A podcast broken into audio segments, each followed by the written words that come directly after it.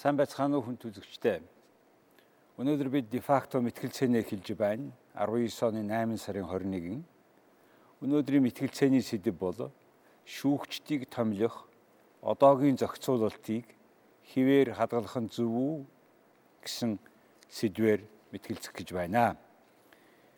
Энэ манай мэтгэлцээнээр улсын хурлаар хилцэж буй үндсэн хуулийн нэмэлт өөрчлөлтийн тухай цуврал болгон хүргэж байгаа энэ удаагийнхаа нэвтрүүлгээр энэ шүүхийн эрх мэдлийн хараат бус байдал үнэхээр бэхжих нь үгүй юу гэдэг талаар ярилцах гэж байна.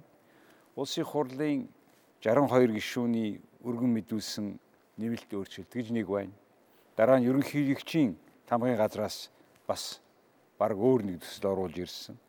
Энэ хоёр төслийн зарчмынхын зөрөөг ажлын зөвшөлдсөх хэсэг нь ярилцаад одоо нэг нэгээр нь тохироод байгаа болтой. За яг зарчмын хоёр өөр байр суурин дээр байгаа асуудал бол тэгээд Монгол улсын шүүх засаглалын гол тоглогчдыг буюу шүүгчдийг тэгээд хинэн томлох юм бэ? За энэ чиглэлээр одоогийн зохицуултаар болохоор шүүгчдийг ерөнхийлөгч томилдог. Хിവэрэ байх уу? Эсвэл зөвхөн батламжилдаг байх уу? Ийм сэдвийн тухай дэлгэрэнгүй ярилцахаар мэтгэлцээ хийхээр юм хоёр хүн өргөдөж ирээд байна. Миний нотлогч талд баруун гар талаас Монгол улсын Монгол улс Монгол улсын их сургуулийн профессор Эрдэнэ цогт зүүн талаас өмгөөлөгч Монголын хуульчдын холбооны мэрэгжлийн дүрм ёс зүйн хорооны дарга Баасанжуу нар ирээд байна. За ингээ би та бүхэнд хоёр оролцогчийг товч танилцуулъя. Адил бишийн Эрдэнэ цогт Муисийн профессор, Муисийг 97 онд хуульч мэрэгжлэр 9 онд 2009 онд хууль зүйн ухааны доктор хамгаалсан. 92 онд Архангайд ажиллаж байсан. Сумын засаг даргын тамгын газраар төвшрүүлэх сумын 97 2011 онд Муист багш хууль зүйн сургуулийн төр захиргааны эрх зүйн мэдээж профессор байсан. 11-ээс 15 онд мөн энэ сургуулийнхаа нийтийн эрх зүйн мэдээд профессор ажиллаж байгаа хүн байна. За миний зүүн талд байгаа эрхэм болбол Наваг Чамбын Баасанжо Монголын хуульчдын холбооны мэрэгжлийн дүрм ёс зүйн хорооны дарга МУИС-ийг төгссөн 97 онд 2002 онд Германы Людвиг Максимилианы нэрмжих сургуулийн хууль зүйн магистр 2007 онд Аугсбургийн бас Германд эрдэм шинжилгээний туслах ажилтан докторант энэ чиглэлээр эрдэм шинжилгээний ажил хийж исэн 14 оноос хуульчдын холбооныхон одоо байгаа энэ ажлыг хийж байгаа юм аа. За ингээд хилцүүлгээ мэтгэлцээний эхлэе. Юуны өмнө одоо манай нотлогч тал нь яхаараа одоо энэ байгаа юу хадгалах нь зөвөө гэж та үзэж байгаагаа одоо тавьж ярина уу. За үзэгчтэйгээ энэ оройн ямар амгалан айлтгая. За тэгэхээр өнөөдрийн нэвтрүүлгийн сэдв нь бол шүүгчдийг томилох одоогийн зохицуултыг хэвээр үлдээх нь зөв үү гэсэн ийм одоо сэдвтэй ийм ихтгэлцээ одоо оролцож байгаа одоо баяртай байна. Тэгэхээр шүүхийн одоогийн тогтолцоо зам шүүх эрх мэдлийг бүрэлдүүлэх арга журам шүүгчдийг томилох одоо энэ асуудлаар бол өнгөрсөн 27 жилийн хаан одоо үйл явцыг дүгнээд одоо үндсэн хуулинд тодорхой өөрчлөлт оруулахыг бол үүсэхгүй. За гэвч одоо яг энэ өргөн барьчаад байгаа улсын хурлын 62 гишүүний зүгээс одоо өргөн барьсан энэ төслийн шүүх эрх мэдэлтэй холбоотой хэсэг дээр нэг ялангуяа одоо шүүхийн одоо ерөнхий зөвлөлийг бүрэлдүүлэх арга журмын талаарх одоо өөрчлөлт за мөн шүүгчийн томилгоог одоо өөрчлөх талаарх зохицуулт зэргийг одоо ингээд судлаж үзэхэд бол энэ нь бол цаашдаа энэ үндсэн хуулийн төвшөнд энэ асуудлыг зохицуулснаар бол одоогийн байгаа энэ шүүх эрх мэдлийн хүрээнд гарч байгаа алдаа дутагдал одоо маргаан шүүмжлэлийн асуудлыг бол одоо зэгцлэх тийм одоо дөрвтэй арга хэрэглүүр бол чадахгүй байна гэдэг ийм одоо хувийн үнэлт дүгнэлт хийсэн учраас миний зүгээс бол одоогийн төслийн агуулгын хүрээнд авч үзэхэд бол энэ нь бол төдийлөн одоо зохимжтой биш байгаа учраас энэний оронд одоо байгаа үндсэн хуулийнхаа энэ зохицуултыг хэвээр хадгалах нь зүйтэй юм болов уу гэдэг ийм одоо дүгнэлтэнд хүрсэн юм аа. За энэнийхээ одоо гол үндслэгийг би одоо дараах байдлаар бол одоо баталж байна. За нэгдүгээр одоо ер нь бол энэ улсын хурлын 62 гишүүний өргөн мэдүүлсэн төсөл За Монгол улсын ерөнхийлөгчийн зүгээс гаргасан санал байгаа. Тодорхой одоо энэ төслүүдийн тодорхой заалтуудыг одоо хасах ийм саналуудын хооронд бол зарчмын томоохон одоо зөрөөтэй маргаан мэтгэлцээний асуудал бол одоо ч гэсэн үргэлжилж байгаа. Тэгэхээр энэ энэ байдлыг аваад үзсэн ч гэсэн за хоёрдугаарт бол ер нь одоо энэ шүүх эрх мэдлийн асуудал маань бол тулгамдсан асуудал мөн үгүй л мөн а гэхдээ энийг шийдвэрлэх арга замыг бол одоогийн энэ улсын хурлын гишүүдийн өргөн мэдүүлсэн төсөлд бол шийдвэрлэх тийм Монголын нөөгийн одоо эрх зүйн асуудлын хүрээнд шийдвэрлэх тийм тодорхой арга замыг бол боловсруулж чадсангүй чадаагүй байна гэж одоо би үзэж байгаа юм. За энэний нэг одоо гол үндэслэгнүүд нь юу байгаа гэхээр энэ 2 3 чиглэлд авч үзэхээр байгаа юм. За нэгдүгээрт бол а шүүх эрх мэдлийг одоо бүрэлдүүлэх гол арга зам бол өөрөө шүүх эрх мэдэл бол төрийн эрх мэдлийн нэг бүрэлдэхүүн хэсэг. А тийм учраас энэ эрх мэдэл бол хууль ёсны легитим одоо шин чанар нь бол одоо зайлшгүй хадгалагдах хэрэгтэй. А гэтэл одоо энэ улсын хурлын 62 гишүүний өргөн барьсан төслөөс харахад бол зарим талаараа шүүх эрх мэдлийн одоо хууль ёсны легитим буюу одоо хүлийн зөвшөөрөгдөх чанар бол нэлээд сулрах ийм одоо хандлага байна уу гэж ингэж ажиглагдаж байна. За энэ юугаар илэрж байгаа вэ гэхээр шүүхийн одоо ерөнхий зөвлөл гэдэг байгууллага байгаа. За шүүхийн ерөнхий зөвлөл бол одоо хуульчдын дундаа шүүгчийг одоо сонгон шалгаруулах, за шүүгчийн үйл ажиллагаанд үнэлт өгнөлт өгөх, за мөн шүүгчийн одоо ёс зүй хариуцлагын асуудлыг нэгтгэн одоо хамарсан ийм чиг үүргийг хэрэгжүүлдэг одоо шүүхийн захиргааны одоо ийм байгууллага. Тэгээ энэ байгууллагыг бий болгох арга замыг бол одоогийн байгаа төвшнгөөс бол сайжруулж гаргаж ирэх хэрэгтэй байсан. Гэтэл бол энэ төслөөс аваад үзэхэд бол уламд ордуулсан одоо ийм өөрчлөлт хийхээр төсөл тусгасан байгаа нь бол маш их санаа зовоож байна. Тухайлх юм бол шүүхийн ерөнхий зөвлөл бол өөрөө 10 гишүүний бүрэлдэхүүнтэй байхаар одоо тоог нь зааж энэ анхудаа одоо үндсэн хуулийн төвшөнд энэ асуудлыг бол зохицуулж байна л да. Зохицуулах гэж одоо санал дэвшүүлж байгаа юм байна. За ингээд аваад үзэхэд энэ 10 гишүүний 5-ыг нь бол одоо хууль тогтоох байгууллага санал болгож байна. Өөрөөр хэлбэл 50% нь бол хууль тогтоох байгууллагаас шууд томилох нэ томилох одоо ийм агуулгатай байна. Үлдсэний нь бол шүүгч нараас бол одоо сонгох ийм гурван шатны шүүгээ сонгох ийм одоо арга замаар бий болохоор зааж байна. Гэтэл одоо энэ ийг ингээ аваад үзэхэд бол а төрийн эрх мэдэл хуваарлах зарчим бол нэгдүгээрт алдагдах юм агуулгатай байна. Хоёрдугаарт а шүүхийн ерөнхий зөвлөл нь өөрөө статусын хувьд бол тэрийн захиргааны одоо тусгай байгууллага буюу одоо хуучнаар бол яам тусгай газрын төвшин яам тусгай газар гэж байсны тэр зиндааны одоо байгууллага байгаа байхгүй юу. Тэгээ тэндээс одоо шүүгч нарыг томилох ийм одоо эрхийг энэ үндсөлийн төслөөр олгохоор шүүх эрх мэдлийн хүлээн зөвшөөрөгдөх легитим шин чанар бол их сулрах юм байна гэж ингэж ажиглагдаж байна. За томилолт төр өөр. Тэгээ гуравдугаарт нь Монгол улсын ерөнхийлөгч бол өөрөө одоо юу гэдгийг Монголын ард түмнээс сонгогдсон тийм ээ төрийн эрх мэдлийн нэг бие даасан институт одоо гүйцэтгэх эрх мэдлийн чиг үүрэгт хамаардаг энэ институт. Тэгээ энэ институцийг бол аль болохоор алгасах гэсэн. Энэ институцийг одоо хэлэх юм бол одоо юу гэдэг нь үл тоомсорлох маягаар гэдэг юм да.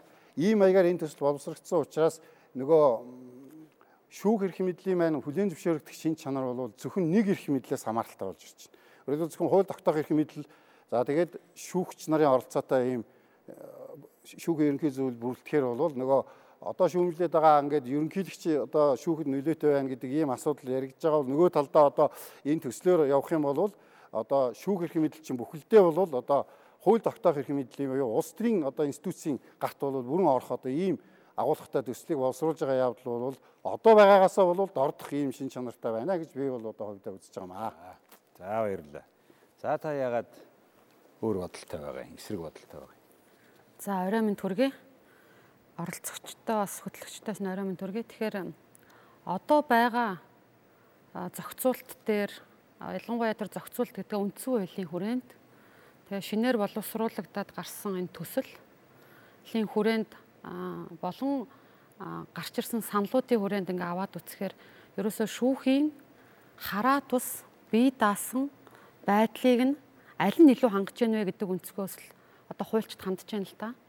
Тэгэхээр бид одоо ганц миний бодолч биш. Одоо практикт ажиллаж байгаа өмгөөлөгчийн хувьд те а бусад хуульчид маань хэд хэдэн удаагийн хилцүүлэг хийлээ.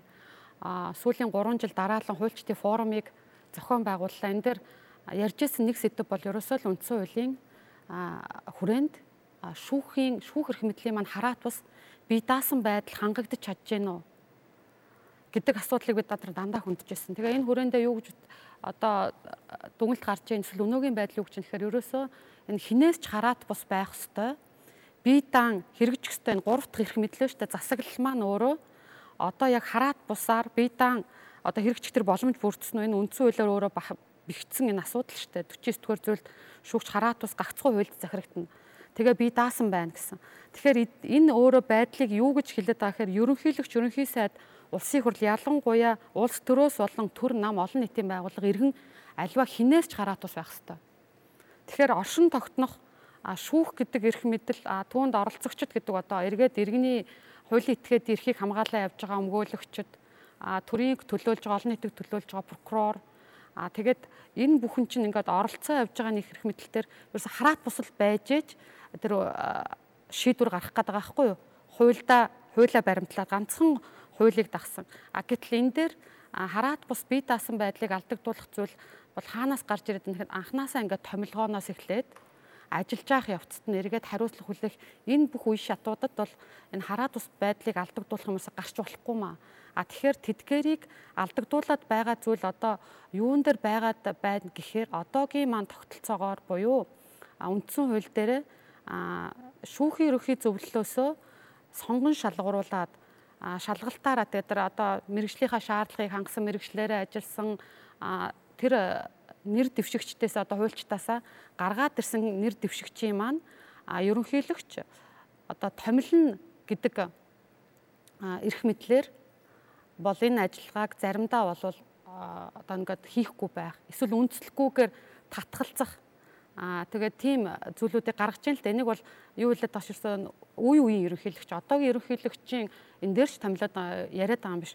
Сүүлийн тэр 27 жил гаруй хугацаанд бол ийм 27 тохиолдол гарсан байгаа байхгүй юу? Судалгаагаар өөрөө. Тэгэд тэгэд томилохгүй байгаа тохиолдол үндслээ бас тайлбарлаагүй. А мөн маш удаан хугацаагаар энэ асуудлыг одоо яах гээд байгааг нь мэддэхгүй гацаасан. Тэгэхээр энэ байдлыг бол засах зүйл нь бол юу вэ гэхээр эргээд энэ хараат ус байдал нөлөөлөд байгаа учраас шүүхийн ерөнхий зөвлөлөө санал болгосон хүнийг одоогийн хууль дээр байгаа буюу 41-ийн уушлаараа 51-р зүйлийн 2-т байгаа ерөнхийлөгч томилно гэдэг санаа бол анх хуульд орохдоо 92 онд үндсэн хууль батлагдахдаа ерөөсөө ерөнхийлөгчийг томилох бүрэн эрх байгаа гэдэг утгаар биш батламжлах гэсэн агуулгаар а яагаад ерөнхийлөгчд байсан гэдэг нь ерөнхийлөгчийг эргээд бусад институтээс энэ шүүгч томилогдсон шүүгчийг хамгаалалт болгож хараат ус айдлын харин баталгаа болгож энэ батламжлах гэдэг агуулгаар нь орсон юм байна. Тэгэхээр одоо энэ үндсэн хуулийн нэмэлт өөрчлөлтөөр энэ алдааг засаад ерөөсө батламжлна гэдэг үгээр. А тэгээ ерөнхийлөгч дуурт нь а та үндсэн хуульд заасан шаардлагыг хангаагүй байгаа тохиол 21 хоногийн дотор а тэр шаардлага хангаагүй үндслээ нийтэд мэдээлээд батламжлах эрхийнхаа уранд батламжлахгүй байж болно. А үүнээс бусад тохиолдолд нэгэнд шийдсэн, нэгэнд сонгогдсон тэр кандидатыг нэр дэвшигчийг зарилгаа гаргаад шүүгчээр батламжлах ёстой маа гэсэн. За тэгэхээр энэ яага болохгүй гэж ингээ шийдэж яага болохгүй байна. Тэгэхээр би дөрөвнийхээ ярьсан дээр жоохон үргэлжлүүлээд тодтол хийх эхлээд шүүхийн ерөнхий зөвлөлийг яаж бүрэлдүүлэхээс өөрөөр хэлбэл энэ шүүгчийг нэр дэвшүүлж томилох асуудал маань бол одоо шийдэгдэнэ гэдэг дээр бол маргаан байхгүй. Тэгэхээр өнгөрсөн 27 жилд бол шүүхийн ерөнхий зөвлөлийн талаарх маш олон загваруудыг бол манайх туршаад тэгээ хамгийн сүүлд шүүхийн одоо ерөнхий зөвлөлийн бие дааж байгуулах энэ шийдэлт бол 2012 онд хүрсэн. Тэгээ энэ шийдэл бол зөв юм а гэдэг дээр бол одоо маргаж байгаа юм байхгүй. Одоо гагцгүй нөгөө шүүхийнхаа ерөнхий зөвлөлийг яаж бүрэлдүүлэх вэ гэдэг асуудлаа одоо нийгмэр болгох гэж одоо үндсэн хуулийн төвшөнд авчирч оруулж байгааг бол би нэг буруутгахч үзэхгүй байна. А гэхдээ хамгийн гол нь бусад улс орнуудын жишг дэлхийн одоо улс орнуудын ерөнхий жишг тоомыг ингээ харах юм бол шүүхийн ерөнхий зөвлөл бол нэг талаасаа бол нөгөө төрийн эрх мэдлийн институцүүдийн тодорхой төлөөллүүд бас энд нэг талаасаа бол орж тэгээд одоо тэндээсээ томилдгийм үү нэр дэвшүүлж одоо ерөнхийлөгч томилох энэ чиг хандлага бол одоо ер нь дийлэнх одоо улс орнуудын шүүхийн одоо ерөнхий зөвлөл шүүхийн захиргааны байгууллагыг бүрэлдүүлэх гол арга болж байна л доо. Одоо ч тэгж ирж байгаа шүү дээ. Одоо ч тэгж байгаа.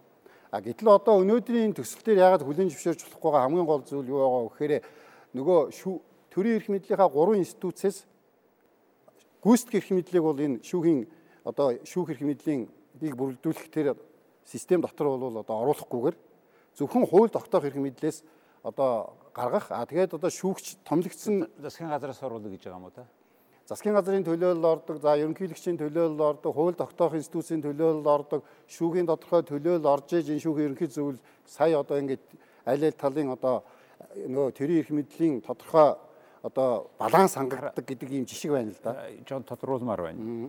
Ардчилсан засаглал гурван хэсгээс бүрддэг. Шүүх тогтоох, хууль тогтоох, хэрэгжүүлэх бүс засаглал, ань бүхнийг дүгнэх шүүх шүүх засаглал гэж байна шүү дээ манай Монгол улсын ерөнхийлөгч энэ гурвын хаан байдгийг.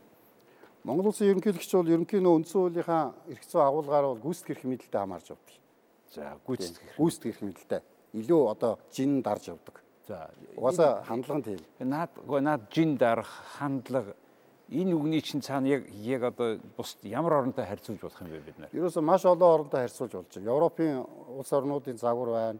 За англи саксоны чиглэлийн загварууд байна. За мөн Азийн орнуудын загвар байна. Тэгээд эдгээрийг зүгээр ерөнхийд нийтлэг ерөнхий шугамаар нь авч үзэхэд бол ямар ч байсан энэ төрийн гурван институцүүдийн тодорхой төлөөлөл орж иржээж сая шүүх эрх мэдлийг бүрэлдүүлэх одоо шүүх шүүхийн одоо захиргааг бүрэлдүүлж тэрнээсээ шүүгч нарыг одоо шилд сонгох ажиллагааг явуулдаг гэдэг дээр бол маргаан байхгүй. За тэгэхээр та ингэж ярьж штэ тэр дээд шүүхийн одоо 10 хүнийг гişүнийг 5-ын их хурлаас томилж байгаад ерөнхийлөгч томилж болохгүй, томилохгүй байгаа нь ерөнхийлөгчийн засаглалыг алгасах хандлагатай болчлоо гэж та хэлж штэ. Ерөнхийлөгчийн институцийг институцийг. Тэгэхээр энийг алгасахгүй байна гэ яг таны таны хэлсэн ойлголтоор байлгая гэж бодъё л да. Одоо байлгах одоо тийм байгаа. Тэрийг яаж өөрчилдөө 10 хүнээс 5-ын сонгох юм, үлдсэн 5-ын яах юм? Тэгэхээр одоо бол ингэж ийм юу гараад байна л да. Шүүхийн ерөнхий зөвлөлийг одоогийн тогтолцоо бол юу шүүхийн гурван шатнаас одоо нэг нэг хүн. За тэгээд э, тэрийн захиргааны төв хууль зүйн яамнаас нэг хүн одоо гүйцэтгэх мэдлээс. Тэгээ хуульчтай холбооноос одоо өөрөөр хэлбэл олон нийтийн төлөөллөөс нэг хүн гэ ингээд таван гишүүний бүрэлдэхүүн те. Тэгээ таван хүнийг бол ерөнхийлөгч одоо томилохоор одоогийн хуулиар бол тийг зохицуулсан. А үндсэн хуулинд бол энэ асуудлыг бол зохицуулаагүй. Үндсэн хуулинд бол юу гэж хэлсэн гэхээр шүүхийн ерөнхий зөвлөлийн зохион байгуулалт байгуулах арга журмыг бол хуулиар тогтооно гэж заасан. Тэгээ өнгөрсөн 27 жилд бол янз бүрийн загварыг туршаад хамгийн сүүлийн байдлаар бол саяны миний хэлсэн энэ одоо загвар энэ чиглэл бол одоо өнөөдөр хүчинтэй байгаа. Тэгэхээр одоогийн шүүмжил бол энийг өөрчлөе гэж байгаа юм. Өөрчлөлтөө миний шүүмжлээд байгаа юм бол яагаараа ганцхан хууль тогтоох байгууллага энд ингээд 50% бүрдүүлж байна. Яг энэ энэ дээр хамаг ер нь бол гол асуудал энэ дээр л байгаа. Ер нь үндсэн хуулийн өөрчлөлтийг одоо сүүлийн үед ингээд анзаараад байхад улсын хурлын 62 гишүүний нэг төсөл ерөнхийлөгчийн нэг төсөл За энэ тухай бол бид нэлээд сонсож ирсэн. Энэ бол тун саяхан гарч ирсэн шин төсөл. Энэ хоёрыг зохицуулах ажлын зүйл гэж байгуулсан. Тэгээ ингээд нэг нэгээр нь одоо 8 алцаад байгаа юм шиг л ингээд яваад байгаа. Нэг ийм маягаар 8 алцах маягаар шийдэх юм уу үндсэн хуулийнхаа өөрчлөлтийг. За энийг чи явж байгаа бол энийг би явна гэх. Явсаар байгаад хооч чадахгүй байгаа юм нь шүүх засаглал байна гэж ойлгоо. Шүүх засаглал дотроо шүүхийн ерөнхий зөвлөлийн нэгдүгээр 10 хүн байна хурлаас томилно гэж. А нөгөө тавын саяын маягаар томилё гэж ийм санал явж байгаа юм ба шүү. Энийг та одоо улсын хурлын 62 гишүүний санал дотор байгаа одоо энэ процесс шүү дээ тий. Энийг та яаж харж байгаа? Үнэхээр тэр шүүх засаглалын чинь илүү хамаатай таны яг хэлээд нь шүү дээ. Хараат бус бие даасан байна гэж. Энд чи яаж нөлөөлөд байгаа? Яг энэ шүүх шүүхийн ерөнхий зөвлөлийн 10 гишүүнээс уу. Тийм. Тэгэхээр одоо би бас яг иргэний хувьд бас хуульчийн хувьд одоо ингээд зөвшөлтсөл нэрийн доор ажлын хэсэг ингээд заалт заалтаар явж байгаа процесст ялангуяа шүүх эрх мэдэлтээр альва өөр заалтаар тохиролцоо ихтер бол санаа зовж байгаа. Яагаад вэ гэхээр нь одоо бид ингээд онл номын ярих юм бол нэлээд их юм болно. Өөрөө энэ шүүх эрх мэдэл гэдэг бие даасаа хараацах юм ер нь 8 альцах тийм боломжгүй эн чинь өөрөө байж тэр хүний эрх хэрэгжих одоо бид эрх чөлөөтэй байх тэр асуудал нь маргаан усвал очоо шийдвэрлэх нэг талд нь төр захиргаа байвал нөгөөдгөөс хараад шүүгч яаж шийдвэрлэх вэ? Энэ бүхий бүхий л энэ хуулиараа үндсэн хуулиас эхлээд органик хуулиуд гэдэг нэрлээд байгаа хуулиуд зохицуулаад байгаа журмууд одоо бүх зүйлээр л энийг уламж бэхжүүлэх хэрэгтэй байхгүй юу? Тэгжээж одоо бид нар нөгөө ардчилсан үнэт зүйлтэй хүний эрхийг хангасан. За гэтэл би бол хиний төсөл гэдэг нь бол ерөөсөө хуульчдад бол сонирн биш. Тэр улсын хурлын нэр бүхий 62 гишүүнийх байснуу тэр автор нь хамаагүй ерөөсөө л энэ эрх мэдлийг бэхжүүлж байгаа тэр төслийг л дэмжиж байгаа. Тэгэхээр энэ дотор одоо яг шүүхийн ерөнхий зөвлөлийг буюу одоо энэ үндсэн хуулийн 49 дугаар зүйл дээр хэлсэн байна шүү дээ. Шүүгчийн хараат ус шүүхийн бие даасан байдлыг хангах зорилгоор шүүхийн ерөнхий зөвлөл ажиллана гэдэг байгаа байхгүй юу. Тэгэхээр энэ шүүхийн ерөнхий зөвлөл хараа тус бие даасан байх зорилгоор ажиллаж байгаа нэгэнд үндсэн хууль дээр ингээд дурддагдаад ороод ирсэн байгаа зүйл. А тэгвэл энэ өөрөө ерөнхий зөвлөлийн маань бүрэлдэж байгаа байдал гişүүдийнх нь тоо а тэгээд томилогдож байгаа байдал эргээд дахиад хараа тус байдалд орчвол эргээд шүүхийн ерөнхий зөвлөл чинь шүүгчтэй томилоход хүндрэл үүснэ дээ орцсон байгаа шүү дээ. Тий. Тэгэхээр орцсон байгаа. Тий. Өнөөдөр орцсон байгаа дээр марахгүй байгаа учраас хамгийн саад болж байгаа, хамгийн болохгүй байгаа энэ хүмүүс чинь шүүгч нар дарга нарынхаа шийдвэрийг шүүх шүүхэн шийдвэр гаргаад байна шүү дээ. Хүнийг алсан болгож байна, алаагүй болгож байна, шоронд хийж байна. Сая цаазаар авсан бол тэр гурван хүний цаасаа авчих байлаа шүү дээ. Ийм байгаа учраас солих гээд шүү дээ. Яг шийдвэр нь аль юм бэ? Тэгэхээр харин тий шүүхийн ерөнхий зөвлөлийн яг одоо байгаа үүсцэн байгаа дээр бол тодорхой нэг шүүгчийн тодорхой нэг кейс асуудал. Тэрүүгээр тэр 500 хуульчийг шүүгчдийг одоо нийт тэр 5000 хуульчдыг бас бүгд тийм байгаа гэж бас үзэх нь өөр учир дутагдaltaй аа. Гэхдээ шүүхийн ерөнхий зөвлөл гэдэг байгууллага нэгэнд шүүгчийн хараа тус байдлыг хангадаг томилдог юм бол энэгээр одоогийн байгаа 5 гишүүний тоотой байх уу нэг гишүүн дээр маш тийм эрх мэдэл байгаа даа шүү дээ. Нэг гишүүн дээр хуралд оролцох байхгүй. Тэгэхээр энэ дээр 10 болгоё гэдэг одоо эрх мэдлийг арай саармагжуулж байна. Тэгэхээр тэр тооны хувьд бол үнийг бас бид нар хуульч хэмжээд байгаа. Тон болж байна. За нөгөө 5 за нэг За тэгээд 10 гишүүн болгочих жоо. Тэгээд 10 болгочихоо. Тэр 10-ыга яаж одоо сонгох гээд нэхэр 5-ыг нь шүүхээсээ. Анхан шатны шүүхээс 3-ыг нь дотооддоосоо штэ тэр чи одоо давхаас нэгийг хяналтын шүүхээс нэгийг. За үлдсэн 5 дээр одоо хэрхэн сонгох вэ гэдэг дээр анх үндсэн улсын хурлаас одоо тэр 5-ыг явъя. Тэгтээ тэр нээлттэй сонсголоор тэгээ шаардлагуудаа тавьсан байгаа штэ. Одоо мэрэгчлэрээ 10-аас доошгүй жил ажилласан хууль зүйн өндөр мэрэгшилтэй шүүхийн ерөнхий зөвлөлийн а тэгээд тэр тэрийг бол улам нөгөө шүүхийн захиргааны тухай хууль болон шүүгч эрх зүйн байдлын дээр бусад хуулиудаар бол улам бэхжүүлчихнэ. За тэдгээр нь яг ямар шаардлагууд хэлж байгаа юм гэдгээ. Тэгэхээр тавыг нь тэгье. Улсын хурлын хуралд оролцсон гишүүдийн 3-ны 2-ын саналаар буюу хит төрөмгийн нөгөө нэг олонхоороо давмгаалж тэрийг батлахгүй байхаар а тэгээ энийг сүулт нь төрийн байгуулалтын байнгын хороон дээр бас дахиад энэ санал дээр хилцэгдээд ерөөсөө 3-ыг нь болвол тэр 5 улсын хурлаас гарах 5-ын 3-ыг нь бол холбогдох байнгын хороо. А за нэг нь мэрэгжлийн холбоо, нэг нь гүйцэтгэх эрх эрх мэдлийн байгууллага болох засгийн газар санал болгочихоо. Шаардлага маш өндөр тавьсан байж тэр шаардлага өндөр тавиад байгаа чи өөрөө легитим буюу тэр хүнд итгэх итгэлийг бий болгоод байгаа. Бид нэг улсын хурлын томилсон таваас гадна нөгөө талынх нь тавыг яриад нь шүү дээ. Гэхдээ би улсын хурлын томилогдох дээр бас тэр шаардлага байгаа байхгүй юу? Тэгэхээр тэндээ ерөөсөө улс төрч өөрөө орж ирэх боломжгүй. Одоо мэрэгчсэн мэрэгчлэрээ ажилласан хуульчид орж ирэх нэгдүгürt боломжтой болно. А дэвшүүлж байгааг нь дахиад саармагжуулчих чагаа. Тэгэхээр одоо ганцхан томилоод байгааг ингэж сайн саармагжуулсан хүчийн тэнцвүүлсэн байгаа дээр яагаад болохгүй гэж. Тэгээ нэгэн шүүхийн ерөнхий зөвлөл гэдэг байгууллага үндсэн хуулинд ороод ирсэн байгаа юм чинь одоо бид нар арга ядаад иймэрхүү одоо зүйлүүдийг одоогийн байдлаас чинь гарч шít 10 болгоё 10 одоо ингэж томлие гэдэг энэ үндсэн хуулиар бэхжүүлж байна. Энэ өөрөө бас судалгаатай л да. Удаа дараа шүүхийн ерөнхий зөвлөлийн одоо 27 жилийн туршид дээд шүүхтэр байж үзлээ. Шүүхийн хууль зүйн сайд оролцож байна.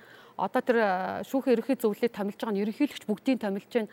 Тэгээ тэр хаалганы цаана яаж томилж байгаа ганцхан хүнээс хамааралтай нээлттэй мэдэгдэхгүй байгаа. Одоо яг ямар байдал гэхэд шүүхийн ерөнхий зөвлөлийн хоёр гишүүнийг ерөнхийлөгч санал болгоцсон байгаа давзаалдах шатны шүүхээс анх шатны одоо бол тэрийг нөгөө 30 хоног дотор томилох хэсэгс шийдвэр гаргахыг бас гаргаагүй татгалцсан юм уу өдр гэдэг нь тодорхойгүй л байна шүү дээ. Тэгэхээр 30 хоногоос ямар ч үсэ итэрсэн байгаа. Хууль заасан. Тэгэхээр энийг байдлын байгаа учраас одоогийн зохицуулт үндсүүлийн хэмжээнд засах боломж байна.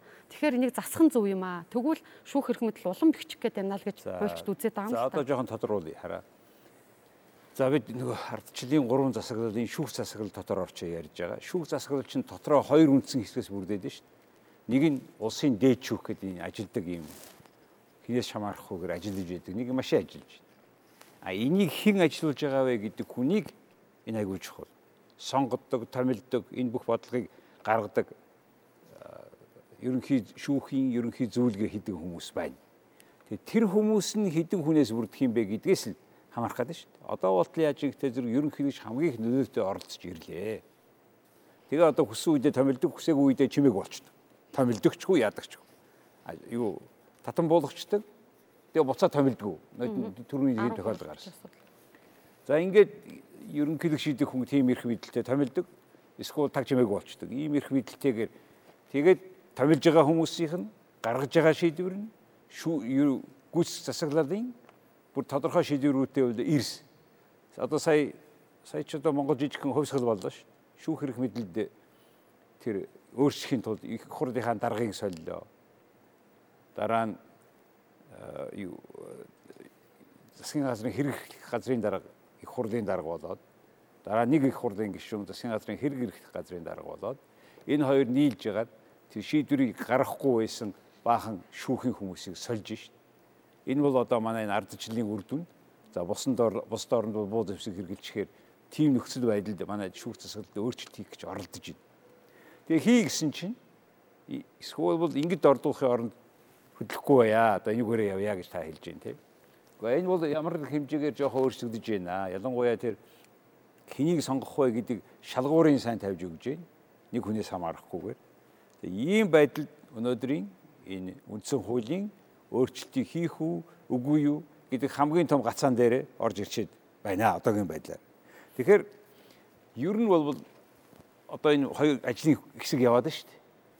Тэгээ энэс яг юу шийдсэн байгаасаа гэж та хүсэж байна.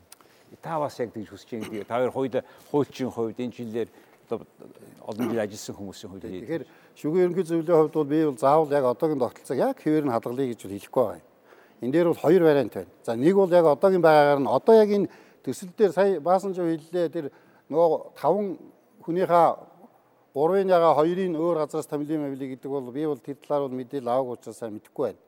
А яг одоо төсөл дээрээ өргөн барьсан бол тавын улсын хурлын холбогдох байнгын хороо оруулаад тэгээ улсын хурлаар томилно гэдэг юм бол энэ төслийн чагаа аль бисны одоо хуулиур шүү дээ. Тэгээ энэ дээр бол нэгдүгээр ярьж байна.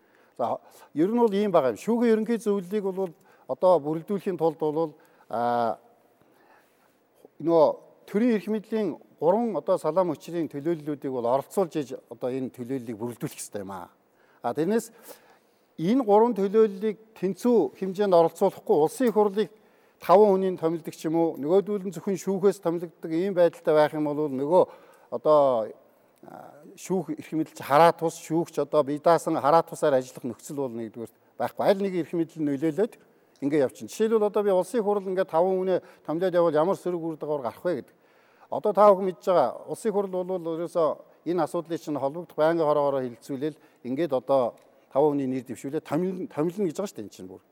Тэгэхээр энэ бол өөрөө бол улс төрийн байгууллага, улс төрийн институт болж хувирх нь шүү дээ. Одоо энэ янзаараа байвал цаашаа шүүхийн одоо энэ ерөнхий зөвлөл гэдэг бол улс төрөөс их хамааралтай 50% нөлөөлөл дээр ганцхан хүнийг одоо татхтал ерөөсөө тэгэл бүх шийдвэрүүд их хурлын төлөөллийн зүгээс гараа явцдаг ийм л одоо болох ийм эрсдэлтэй хувилбарыг өнөөдөр албан ёсоор дэвшүүлчихэд байгаад би бол өөр санал нийлэхгүй байгаа нэг.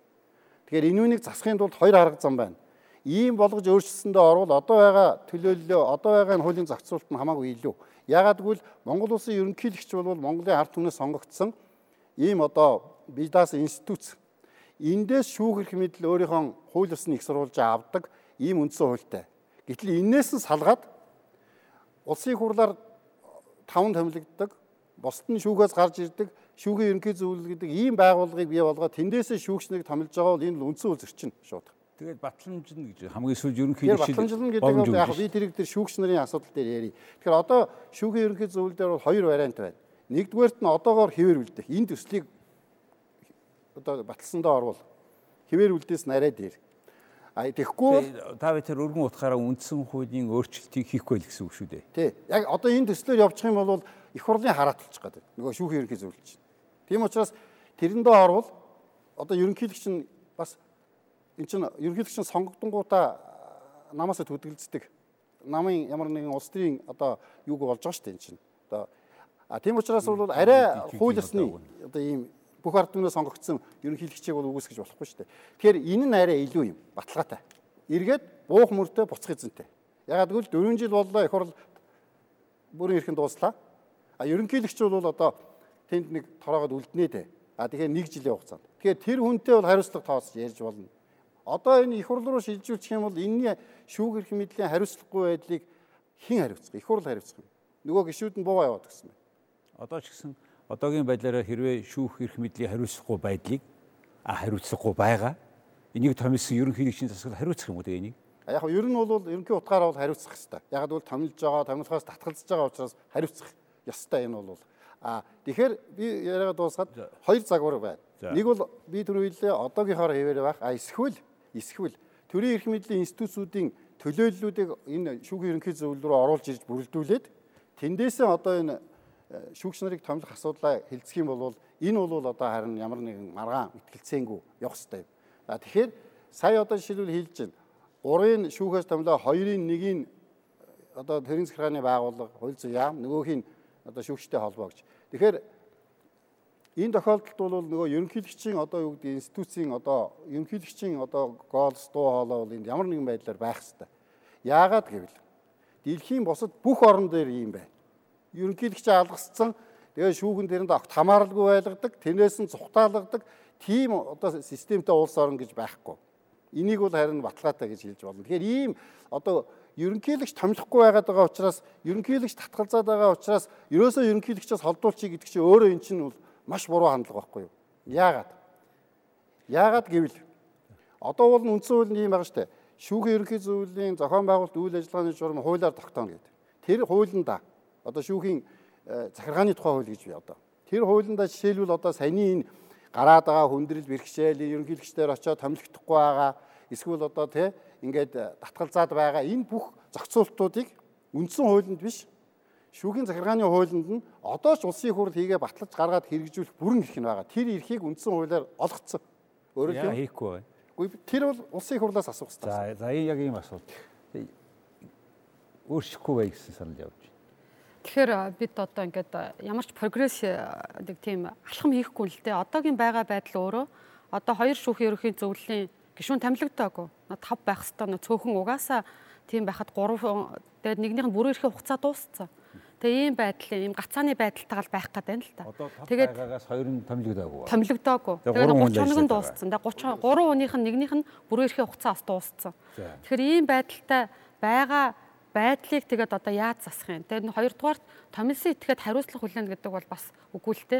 Одоо тийм болвол хин нэгэн тэнцээ огцроод шүүх ерхий зөвл энэ шүүгчтэй хариуцлагагүй байдал дээр огцорч жоох юм ерөнхийлөгч огцорч жоох тийм байхгүй л байгаа шүү дээ. Эцсийн дүндээ тэр хариуцлага алдсан шүүгч өөрөө л огцрох байхгүй. Яагаад тэгвэл шүүх эрх мэдэл гэдэг чинь тухайн нэг шүүгчээр Баян Улгийн аймгийн Дорнодын Сүхбаатар дүүргийн одоо давзаалтах шатны тухайн тэр шүүгчийн өөрийнх нь тэр үйлдэлэр шүүх эрх мэдэл чинь бүхэлдээ илэрч байгаа учраас хариуцлага бол тэнд л байна. Тэгэхээр энэ дээр бид нар нэг юм дээр нэг жоохон тодруулахгүй шаардлагатай гэж үзсэн. Бид бол одоо шүүхийн ерөнхий зөвлөлийг гişүүдийн томилгоог нэг ярьж байна. А эргээд шүүгчдийн томилгоо гэж ямарч байгаа байхгүй юу? Тэгэхээр шүүгчдийн томилгоонд ерөнхийлөгч батламжлах эрхтэйгээр хിവэр байгаа. Ерөөсөө үгүйсгээгүй. Тэгэхээр нэмэлт өөрчлөлтийн төсөл болвол ерөөсөө тэрийг ойлгомжтой болгоод та ерөөсөө батламжлах эрхтэй. Яагаад гэвэл ерөнхийлөгч танд шүүгчийг томилох шүүх эрх мэдэл төр тийм бүрэн эрх байхгүй байхгүй юу? Тэгэхээр та оролцож байна. Тэгтээ батламжлах төвшөнд.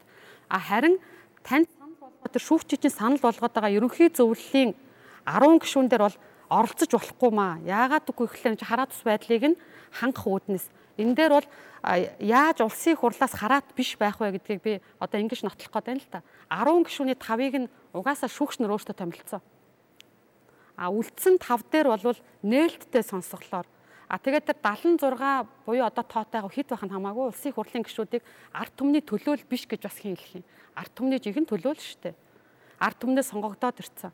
Тэгэхээр тэр ард түмний нэгэн сонгогдоод ирсэн тэр төлөөллөөр а нэр дэвшүүлэхтэй харин а улсын хурлын холбогдох байнгын хороо а засгийн газар тэгээ мэрэгжлийн холбоод одоогоор бол одоогийн шүүхийн ерөнхий зөвлөлийн 5 гишүүнийг ерөнхийлөг санал болгож нэрийг их хурл баталгаажуулж байгаа. Ер нь тэр нь бол яг одоо саяны одоогийн 5 чинь 3 нь шүүхээсээ нэг нь хуульчдын холбоо, нэг нь хуульцуул сайд байхгүй юу? Тэрийг гэхдээ ерөнхийлөгч томилох хэсгийг шийдэж байгаа. Тавуулангийн. Тийм, тавуулангийн. Тэгэхээр тэр нь яагаад илүү байгааг одоогийн байгаа энэ практик чи өөрөө нотлохгүй байна. Алдаа гараад байна. Тэгээд одоо томилохгүй байдал үүсээд байна. Тэгээд эргээд энэ чин эргээд нөгөө шүүгчдийн хараа тус байдлыг хангах үүрэгтэй шүүхийн ерөнхий зөвлөлч одоо би сая үндсэн хуулийн 49 дугаар зүйлийн 3 дахь залтыг уншлаа штэ. Гол үүрэг нь тийм байхгүй. Гэтэл өөрөөсөө бүгдээрээ ерөнхийлөгчөөсөө томилогдсон байгаа даа байхгүй юу? Тэгэхээр энэ дээр тэр баланс одоо хараа тус байдлыг бэхжүүлэх тэр суур зүйлчин гажаад байгаа юм шүү гэж бод хуульчийн үед бид нар хараад байгаа учраас саналаа тэгэж явуулаад байгаа. Хараад яг над үгэн дээр чинь томны хорон зүгээр яг энэ маягаар ерөнхий зөвлөл шүүхийн ерөнхий зөвлөлийн тийшээ тавьж байгаа хүнийг шүүхийн ерөнхий зөвлөл чинь нэг их хурлаас 5-1 гэж авна гэж шít. Энэ хүмүүсийг батлаад өгөөч гэд нэг асуудал байна. Дараа нөгөө шүүгчд байна. Улсын дээд шүүхийн доор байгаа бүх олон шатны эрүүгийн те захиргааны энэ шүүгч нарыг томилоход ерөнхийдөө заавал оролцохгүйгээр баталгааж баталгаажуулдаг асгүй үгүй гэж хэлдэг. Ийм байж болохгүй мүү? Тийм. Тэгэхээр энэ бол их нарийн асуудал шүү. Шүүх эрх мэдлийн хууль ёсны легитим шинж хаанаас бий болдг юм бэ гэдэг асуудал үндсэн хуулийн одоо суур зарчмаас гарч ирж байгаа. Монгол улсад засгийн эрх ард түмний мэдэлд байна гэж бүх эрх. Тэр дотор чи хууль тогтоох, гүйцэтгэх шүүх эрх мэдэл. Тэр шүүх эрх мэдэл хаанаас их сурвалжаа авч хууль ёсны шин чанартай болж гин хүлийн зөвшөөрөгдөж гин үү гэдэг асуудал чинь өөрөө бол Монгол улсын үндсэн хуулийн агуулгаараа бол хууль тогтоох байгууллага бол өөрөө ард түмнээс сонгогдоод тэгээ гарч ирэнгүүтээ засгийн газараа байгуулаад засгийн газар чинь хууль тогтоох байгууллагаас одоо легитим шинжинд бүрэлдэж хууль ёсны болж гарч ирж байна. Нэг. За тэгвэл шүүх эрх мэдэл хаанаас бүрэлдэж бий болох вэ? Монгол улсын үндсэн хуулийн концепцаар энэ бол Монголын ард түмнээс сонгогдсон ерөнхийлөгчөөс ерөнхийлөгчийн томилтоор сая легитим шинж нь бий болдог. Тэгэхээр явж явж Монголын ард түмнээс сонгогдсон нэг хүнээс хамаарсан шүүх засаглал бий болчиход шүү дээ өнөөдөр. Энэ дээр бол одоо нөгөө хуулиндаа органик дээр шүүхийн захиргааны хуулинд бол нарийн зохицуултуудыг хийж болно шүү дээ. Энэ бол нээлттэй байна. А тэгэхээр энэ дээр хамгийн гол зүйл бол одоо ийм байна л да. А шүүгч нарын томилгооны асуудал руу одоо орж ирж байна. Бид нар бол түрүүн бол шүүхийн ерөнхий зөвлөлийн талаар ярьсан. Одоо шүүгчийг хэн томилох вэ те? Яаж томилох вэ гэдэг асуудал ярьж байна л да. За тэгэхээр бол энд одоо байгаа энэ төслөөр авч үзэх юм бол томилоод тэгээд батламжлах гэдэг нэг ийм ойлголт гараад байна шүү дээ. Томилоод батламжлах. Үгүй ийм жишг хаанч байхгүй. За тэгээ хин томилох вэ энэ төслөөр аваад үзэхээр шүүхийн ерөнхий зөвлөл томилно гэж байгаа. Уучлаарай шүүхийн ерөнхий зөвлөл бол яг Монголын ард түмнээс шууд одоо хүлийн зөвшөөрөгдсөн тийм легитим шинжтэй байгууллага биш. Энэ бол үүсмэл улсын хурлаас одоо тодорхой зарим гараад шүүгч нараас тодорхой зарим нь гараад байгуулагдж байгаа төрийн захиргааны юм байгууллага шүү дээ. Одоо нэг яам тусгай газрын хэмжээний л байгууллага. Ийм байгууллагаас шүүх эрх мэдэл томилогдож бий болох юм бол нөгөө шүүхийн хүлээн зөвшөөрөгт хууль ёсны легитим шин чанар бол алдагдана. Нэг. За хоёрдугаар дэлхийн бусад улс орнууд бол шүүхийн ерөнхий зөвлөлөөс томилогддог жишг байгаа. Энийг бол би ойлгож байна. Тийм жишг байгаа. А тэгэхээр тэр ямар тохиолдолд байна вэ гэхээр тэр шүүхийн ерөнхий зөвлөл дотор нь хууль тогтоох байгууллагын төлөөлөл а гүйцэтгэх засаглалын төлөөлөл ерөнхийлөгчийн төлөөлөл институцүүдийн төлөөллүүд жигд орж ирж ээж тэгээ шүүхэх мэдлийн төлөөлөл жоохон давуу байдалтай орж ирж ээж сая тэр шүүхийн ерөнхий зөвлөл бүрэлдээд тэгээд тэр зөвлөлийг нэг бол ерөнхийлөгч нь өөрөө толгойлдог улс орнууд байна шүүхийн ерөнхий зөвлөлийн а эсвэл одоо ерөнхийлөгчийн одоо тодорхой төлөөлөл орж тэгжээж нөгөө нэг шүүхийн ерөнхий зөвлөл бүрдсэн тийм тохиолдолд бол яг шүүхийн ерөнхий зөвлөл нь томилох тийм одоо жишг байна. Тэгвэл томилчаад дахиад тэрийгэ баталгаажуулах гэх ерөнхийлөгч рүүгээ явдаг юм гэж байхгүй. Тэгээ тэрийгэ бүр тулгалтаа чи 21 хоногийн дотор энийг батал гээд. Ийм юм байхгүй. Тэгэхээр хамгийн гол асуудал нэг зөвхөн ингээ батлахгүй удаа суугаад байвал энийг яах вэ? Би яриад бас одоо ингээд шүүх эрх мэдэл хаанаас хүлийн зөвшөөр легитим шинжээ авах вэ гэдэг асуудал бол хамгийн чухал асуудал. Энэ үндсэн хуулийн суур асуудал шүү дээ. Тэгтэл шүүхийн ерөнхий зөвлөлд томилчдаг энэ жишг бол Монгол тохирохгүй Тийм учраас за яг энэ асуултыг тэр легитимэд гэж яриад байна тий. Бүх ирэх ард түмэнд ордог учраас харьяалагддаг учраас шүүх зас энэ гурван засаг чи гурвуула ард түмний одоо зөвшөөрснөөр явагдах ёстой гэдэг. Энийг өөр шийдэх тэр яг шүүхийн ерөнхий зөвлөлийн томилгооноос гадна өөр ямар нэгэн арга байдгүй юм байна шийдэх. Гэхдээ юу л да. Би бол тэрийг хуульчтал юу гэж үзээд энэ эсвэл одоо бидний тэр хилцүүлгээр бид одоо хилцэхдээ юу гэж яриад нэхэр тэр легитим буюу одоо зөвшөөрөх байдал гэдэг бол ерөөсөө мэрэгжлийн шаардлагуудаар гарч байгаа маа. Яагаад бол эн чинь өөрөө бие даасан болж игэл бол хинээс ч томилуулмааргүй аль болохоор л хараат ус байгаа тэр шаардлагуудаа хангаад шалгалтуудаа өгөөд хараат ус гэдэг нь ямар ч байлаа гэсэн иргэдээс нь ард түмний хүлээн зөвшөөрөгдсөн байх ёстой гэдэг энэ асуудал тавиад шүү дээ. А та болохоор зэрэг өгөөгүй тийм тодорхой юу шаардлага хангасан юм бол хин чамаагүй гэж хэлэх гээд. Яг ард түмний шүүх эрх мэдэлчин өөрөө одоо ингээд нэг амлалт өгөөд сонгуулиар гарч ирдэг. Одоо тийм биш. Тийм учраас тэн дээр чинь мэрэгжлийн өндөр шаардлагууд тавиад байна л та. За тэр тэгэхээр тэр шүүхийн захиргааны тухай хууль, шүүгчийн эрх зүйн байдлын тухай хууль, шүүхийн тухай хуулиудаар чинь а тэр шүүгчд тавигдах шаардлагуудыг маш өндөр болгоод тавиад өгч байгаа байхгүй юу? Насны юу тавьж байна, ажилсан жилийн шаардлага тавьж байна, боловсролын шаардлага тавьж байна. Сонгон шалгуулалтанд одоо хуульчдын холбоо дунд нь одоо мэрэгжлийн дүрм ёс зүйн хороо манайх ч гэсэн нэр дэвшигчдэр нэр хүндтэй байдал дээр дүгнэлт гарах байдлаар ингээд тэгээ иргэдээс тухайн хүнийг судлаад ингээд ингээд ямар зүрийн байдлаар ороод гараад ирж байгаа байхгүй юу. Тэгэхээр тэр байдал дээр ерөнхийлөгч орж ирж байгаа нь хараа тус байдлыг хамгаалж батламжилж орж ирж байгаа байхгүй. Тэрнээс биш ороод ирцэн дээр нь өөрөө дахиад сонгон шалгаруулчих зүйл хийгээд байгаа биш юм аа.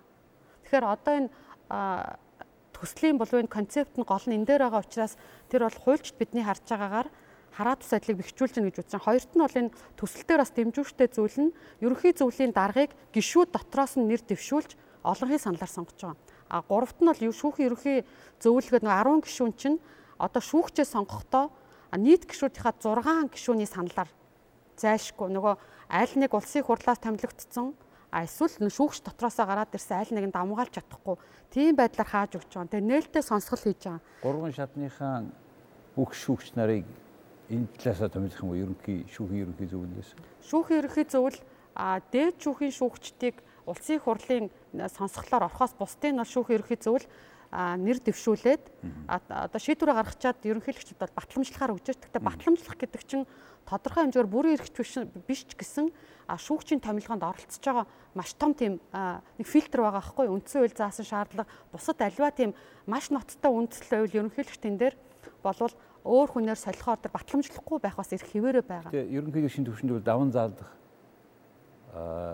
шүүх шүүгийч удирдлагууд бас батламжуулах уу? Ерөнхий сайд ерөнхийлөгчөөр ерөнхийлөгч хэрвээ батламжлахгүй байгаа тохиолдолд шүүхийн ерөнхий зөвлөл үндслээ хэлнэ гэчээд байгаа хгүй. Одоо энэ хуулийн төслийн нэг давуу тал. Одоо л үндсэл хэлэхгүй шүү дээ. Тэгээ хугацаа алдаад байна. Тэгэхээр 21 гэж хоног тавиад та үндслээ хэл үндслийн хууль дээр зааж байгаа хгүй. Үндсэн хуульд заасан тэр шалгуурыг хангаагүй. Гэхээр тодорхой үндсээр ерөнхийлөгчийн хувьд ч гэсэн түүн дээр бас тухайн асуудлыг шийдэхэд бас хэлбэр болохоор Тэгээд тийм байгаа тохиолдолд шүүх ерөнхий зөвлөл өөрөө тэр үндслийг үнэхээр тийм байвал дараагийн нэр дэвшигчийг ерөнхийлөгчийн саналыг хүлээж аваад дараагийн нэр дэвшигчийг гаргаж ирнэ л гэсэн. А мөн энэ төсөл дээр бас нөгөө амжихгүй байж магадгүй учраас хэлээд байгаа нэг зүйл бол дээж үхийн шүүгчдийн бол тоог зааж орж ирсэн. А ер нь бол нөгөө ерөнхийлөгчийн гаргаад байгаа санал дээр бас нэг дэмжүүштэй зүйл бас байгаад байгаа. Хараа тус байдлыг бэхжүүлж байгаа зүйл бас бие даасан байдал дээр тэр юу гэхээр анхан давах хяналтын шатны гэж байна. Тэрнээс биш сум дунд аймаг нийслэл а гэж байхгүй. Тэгэхээр засаг захиргааны нэгжийн хувааралтаас ангид байна гэдэг үл өөрөө маш том бас давуу тал. Тэр утгаар нь бид бол би хуульчийн хувьд бас бусад хуульчид маань ерөнхийлөгчийн саналыг бол дэмжиж байгаа. Тэгэхээр одоо дүүрэгт хідэн тийм шүүх байж болно гэсэн үг. Тэгэхээр тухайн дүүрэгт нь одоо хэрвээ хүн амын төвлөрөл тэнд байхгүй болвол эсвэл одоо аль нэг аймагт хэрвээ тийм биш болвол тэр төвлөрөөд байгаа газарт нь шүүхийн байх нь шүү дээ. Нэгдүгээр, хоёрдугаар шүүх гэх тойргийн байдлаар а мөн ерөнхийлөгчийн болон санал болон энэ төслөлтээр бол хариуцлагын асуудлыг хүндсэн аль аль нь хариуцлагыг тооцдог субъектыг болвол ерөнхий зөвлөлтөөр байж болохгүй байна. Томилдог этгээд төр. А тийм учраас болвол нэг нь бол сахилгын зөвл нөгөөх нь хариуцлагын хороо нэртэйгээр. А тэгэхээр энэ бас үндсэн хуульдаа оруулж ирж байгааг бас хуульчид бол дэмжиж байгаа. Гэхдээ хариуцлагыг тооцдог эцсийн субъект нь томилсон гэж одоо байгаагаар буюу одоо ерөнхийлөгч биш байх зүйтэй. Харин тэр хариуцлагын хороо өөрөө шийдвэр гаргана. А мэдээж хариуцлагын хорооны шийдвэрийг бол зөвшөөрөхгүй байхад дараагийн шат байх хэрэгтэй. Гэтэл түүнийг цэц гэд оруулаад ирсэн байгаа. Яагаад гэвэл дээж үг гэхээр дээж үгийн шүүгчдэр асуудал үүсвэл тэгээ дээж үг яах юм гэдэг асуудал байгаа учраас цэц гэд ороод ирсэн. Магадгүй яг хуульчийн үед би бол дээж үгийн шүүгчийн хариуцлагын асуудлыг цэц харин бусад шүүхийн шүүгчийн асуудлыг дээж бүхэн шийддэг байхыг бас үгүйсэхгүй. Яагаад бол цэцтэр тэр ачаал бас тэр байдлыг харгалзан үзэх. А мөн энэ дээр төсөл дээр бас байгаа маш нэг ололтой тал болвол шүүх болгон дээр ерөнхий шүүгч гэж байдгийг. А тэр ерөнхий шүүгчийг нь өөртөөс нь өөртөө тэр ерөнхий шүүгчээ сонгоо гэсэн бол маш том төвшил. Ягаад гэвэл шүүгчийн хараад тус байдал гэдэг дотроосоо гаднаасаа байдаг. Тэгэхээр тэр ерөнхий шүүгч гэдэг шүүгчээсээ дотоод хараад тус байдал гэдэг тэр бол яалтчгүй тэр даргалаад байгаа дарга шүүгчийн бас байдлын судалгаануудаар гараад байна л да. Тийм учраас одоо тухайн шүүд шатны шүүгчд нь өөрсдөө. Тэгэхээр ингээд ирэхээр ерөнхий шүүгчд бол ротац маягаар бүгдээрээ л 3 3 жилээр нэг удаа улиран сонгох хэрэгтэйгээр дахин сонгогдохгүй юм чинь ерөөсө тэр ерөнхий шүүгч гэдэг бол даргалагч нар хязгааргүй байдаг биш. А тэр зөвлөөнөр асуудлыг шийдвэрч тэр дотоод хараад ус байдлыг халсан бас дэвшил болсон байна гэж үзээд. Бид нар энэ асуудал дотроо ороод ярьж байна. Улсын дээд шүүхийн гишүүдийн тоог хэд байвал зүйтэй гэж үзэж байна. Тэгээ одоо үндсэн хуулинд бол тодорхой тоо байхгүй байгаа одоогийн үндсэн хуулинд. За одоо бол 21 гишүүн байна гэдэг ийм тоо орж ирсэн. Тэгэхээр энэ бодвол одоо тодорхой судалгаатай тоо байгаа гэж би А ер нь хэд байгаа юм? Одоо бол 24 байгаа. 24 аа. Тий. Тэгээ 21 болгож яана гэж байгаа. Тэгээ яг тэрэн дээр бол би одоо нэг илүү юм яриад байгаа. Миний хамгийн гол ярьж байгаа зүйл бол энэ шүүхийн ерөнхий зөвлөлийг босод улс оронд байдаг тэр жишгийн дагуу байгуулах хэрэгтэй. Тэрнээс биш нэг их мэдлэн давмгаалчаа тэгээд шүүхийн ерөнхий зөвлөгөө ярих юм бол наад чи жинхэнэ утгаараа шүүхийн одоо бие даасан шүүгч хараацс байдлаа алдагдаж улс төрийн нөлөөнд орох одоогоос илүү дордох тийм нөхцөл рүү орчоод байна шүү энэ төслөөр бол гэж нэгдүгürt би хэлмээр байна. Тийм учраас одоо нэг бол одоо э, шүүгчийг томилоод шүүхийн ерөнхий зөвлөлд томилчаад тэгээ ерөнхийлөгчээр баталгаажуулна гэсэн ийм ойлголт байхгүй. А нэг бол шүүхийн ерөнхий зөвлөлд томилдгоороо томилоод хариуцлага хүлээх хэрэгтэй. А тэхийн тулд институцүүдийн төлөөллийг бүгдийн төлөө оруулж явах. За тэгж хий яг яаж болно гэж. Хоёрдугаарт. А хоёрдугаарт.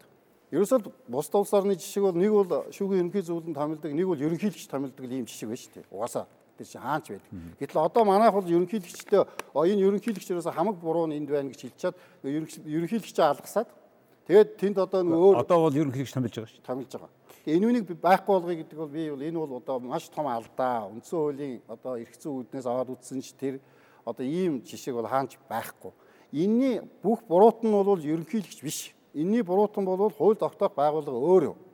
Яагаад гэвэл би түрүү дахиад автаад хэлье. Шүүхийн ерөнхий зөвлөлийн зохион байгуулалт үйл ажиллагаа хуулиар тогтооно гэдээ үндсэн хуулинд заасан. Энийний дагуу яагаад үндсэн хуулийн үзэл санааны дагуу энэ шүүхийн ерөнхий зөвлөлийн зохион байгуулалтыг зөв хийж одоо хүртэл 27 жил энэ хуулиа босронгоо болгож гаргахгүй ингээ байгаад идэм бэ гэдэг энэний хариуцлагыг ерөнхийлөгч хүлээхгүй. Энэний хариуцлагыг улсын хурл хууль тогтоох байгууллага өөрөө хүлээх ёстой. Хамаг юмны одоо их үүсвэрийг бий болгочоод одоо болохоор ерөнхийлөгч рүү бүх алдаагийн тэгээ эргээд өөрөө бүх эрх мэдлээ авах гэж байна. Энд чинь өөрөө үндсэн хууль зөрчиж байгаа юм. Яагаад вэ? Үндсэн хуульд нэмэлт өөрчлөлт оруулах журмын хуулиар улсын хурл өөртөө ямар нэгэн эрх мэдлийг нэмж авахыг хоригдсан байдаг. Өөртөө. Гэтэл энэ журмынхаа хуулийг зөрчөөд өөртөө шүүхийн ерөнхий зөвлөлийг 5 хүнийг нэр дэвшүүл бүрдүүлэх эрхийг өөртөө олгочихо сууж наач.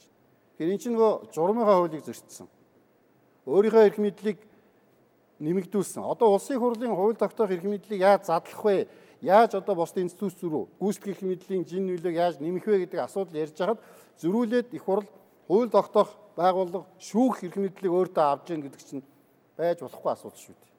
Тэгэхээр тэгэхээр ийм зүйлүүд байгаа учраас хэрвээ ерөнхийлөгч энэ нэг бол ерөнхийлөгч томилно, нэг бол шүүхийн ерөнхий зөвлөл нь бүх институцээ орж ирээд томилох. Ийм л хоёр хуулиар байхаас биш. Манай одоо төсөлд байгаа шиг шүүхийн ерөнхий зөвлөлд томилчаад тэр нь ерөнхийлөгчөөс хамаарал байхгүй. Тэгээд ерөнхийлөгчийг батламжилт хийгээд ингээд тулгаад байдаг ийм зүйл бол хаанч байхгүй. Тийм учраас нэг бол одоо наад институцээ одоо ерөнхийлөгчийн институт бүх юмнуудыг оруулаад бүрэлдүүлээ. Тэгээд хамаа алга тэрнээс томилдог байдаг юм уу?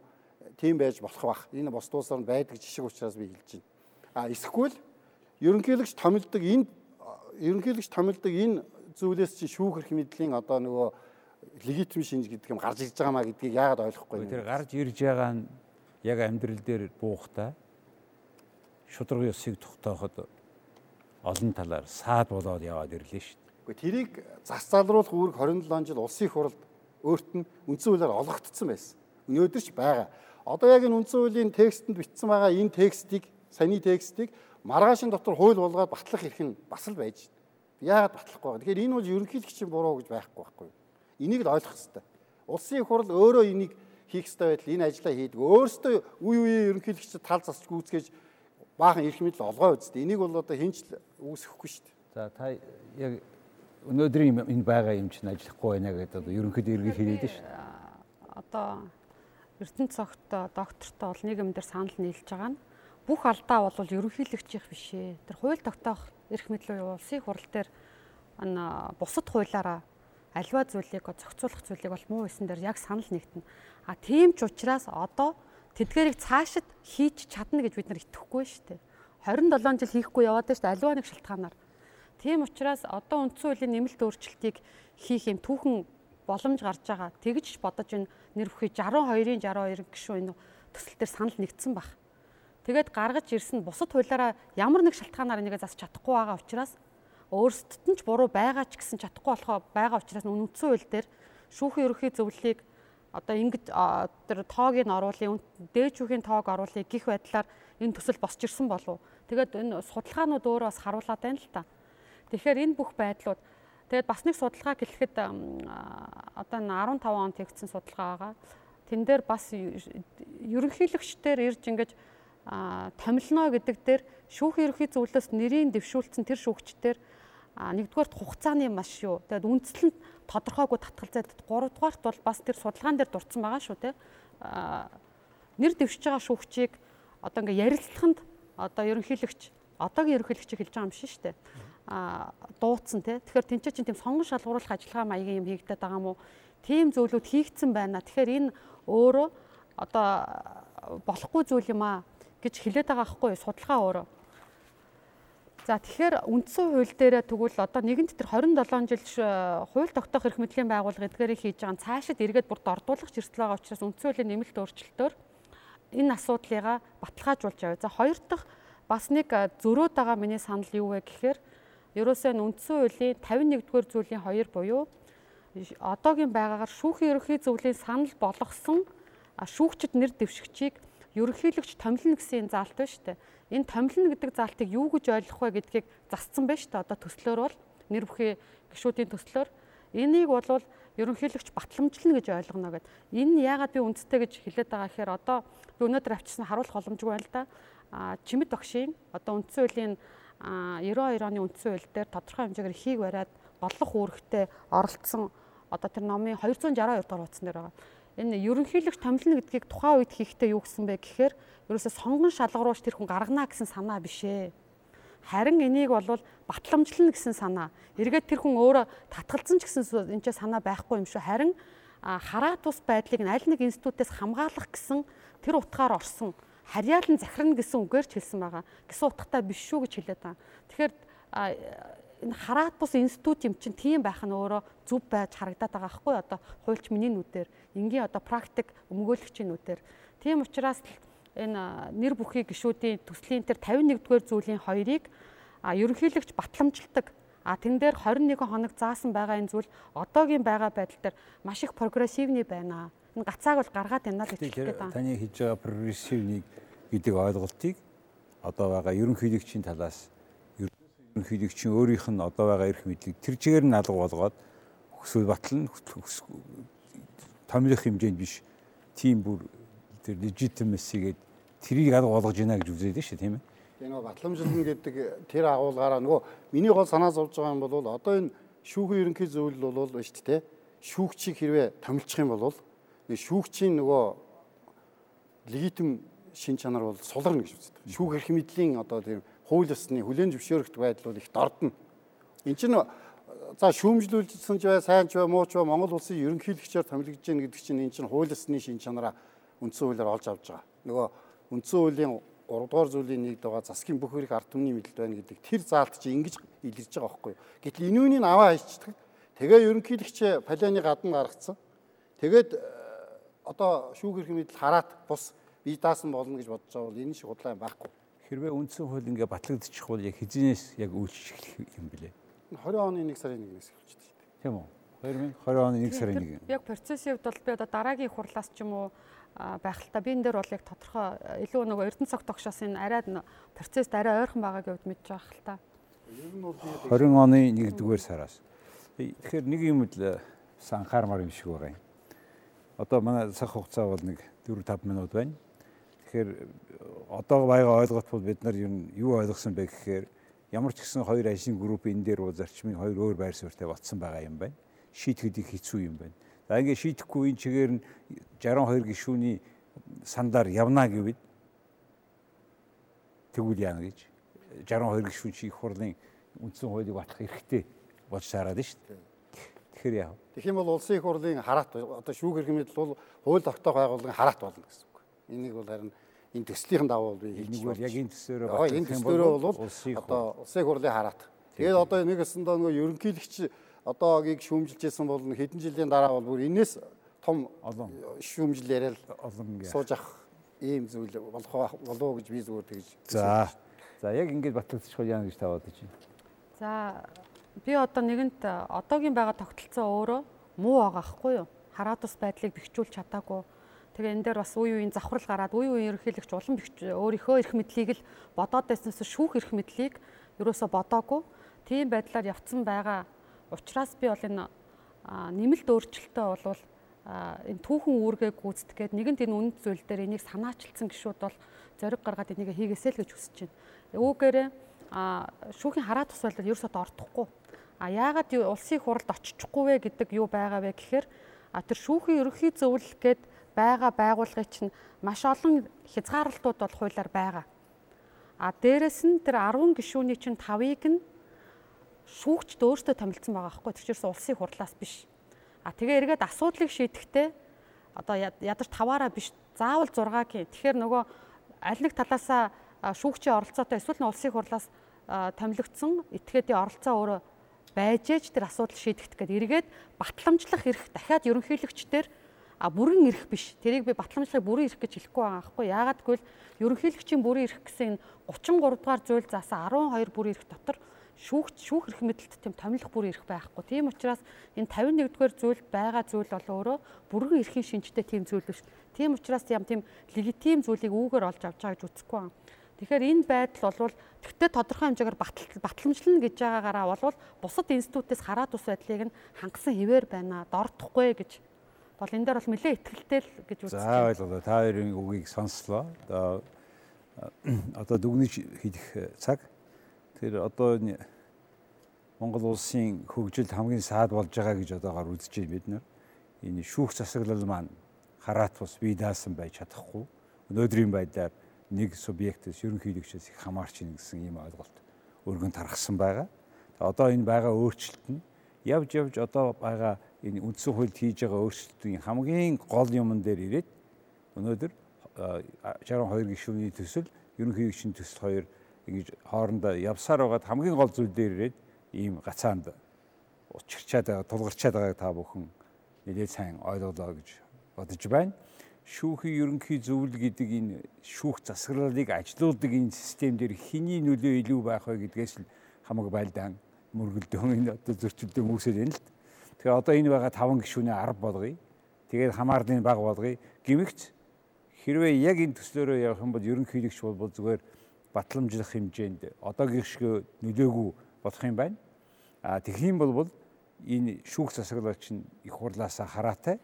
А их хурлаасаа хараатай болно гэдэг нь одоо нэг хүнээс биш зүуд нь 76 хүнээс хараатай болсон асуудлыг хилцэх юм гарч магадгүй шүү гэж миний баруун талд байгаа хүн үзэж байгаа бол зүүн талд байгаа хүн бол ямар ч гэсэн одоо энэ байгаа өөрчлөлтүүд бол одоо энэ санал болгож байгаа өөрчлөлтүүд бол ямар нэг хэмжээгийн эерэг нөлөө үзүүлнэ. Ийм эсрэг тесрэг байр суурин дээр өнөөдрийн мэтгэл цайн боллоо. Та бүхнийг одоо энэ асуудлыг тунгаахад дахин бодоход хэрэг болсон байхад найдаж байна. Хамгийн гол нь тэр ажлын хэсэг дотор ч гэсэн энэ хагарлууд энэ санал бодол зөрөөтэй байгааг манай хоёр мэтгэлцэгчүүд нэлээд сайн илэрхийллээ гэж би бодож байна. Тийм учраас нэгдүгээрт би манай төрөлхтөн гэж оролцсон ноён Эрдэнэ цогт тань талархаж байна. За мөн танд Баасанжив, Навг чамбын Баасанжив та хоёр ингээ хоёулаа мэрэгжлийн хүмүүсийн хувьд яг энэ хоёр талдсан үзэл бодлыг сайн илэрхийллээ. Яг яаж хийх нь бол явж явж их хурлын 62 гишүүн нэг санаачилсан тэр төслийг хэрвээ хүсвэл их хурл баталж чадна. А тэгээд одоо тэр 2020 оны 1 сараас үнэхээр үйлчлэнэ гэж байгаа үндсэн хууль тэгж өөрчлөгдөнө гэвэл Тэгвэл үнэхээр улс орны амьдрал томоохон өөрчлөлт болох юм байна. Тэгээ энэ бүхэн өөрчлөлт нь Монгол улсад шудраг ёсыг тогтооход нэмэр болоосой. Тийм байгаасаа гэд найдаж байна. Тэгээ та бүхэнд бас манай нэвтрүүлэгт байсан үдсэн бүх үзэгчдэд талархаж байна. 2-7 хоногийн дараа дахин уулзъя. Их баярлалаа.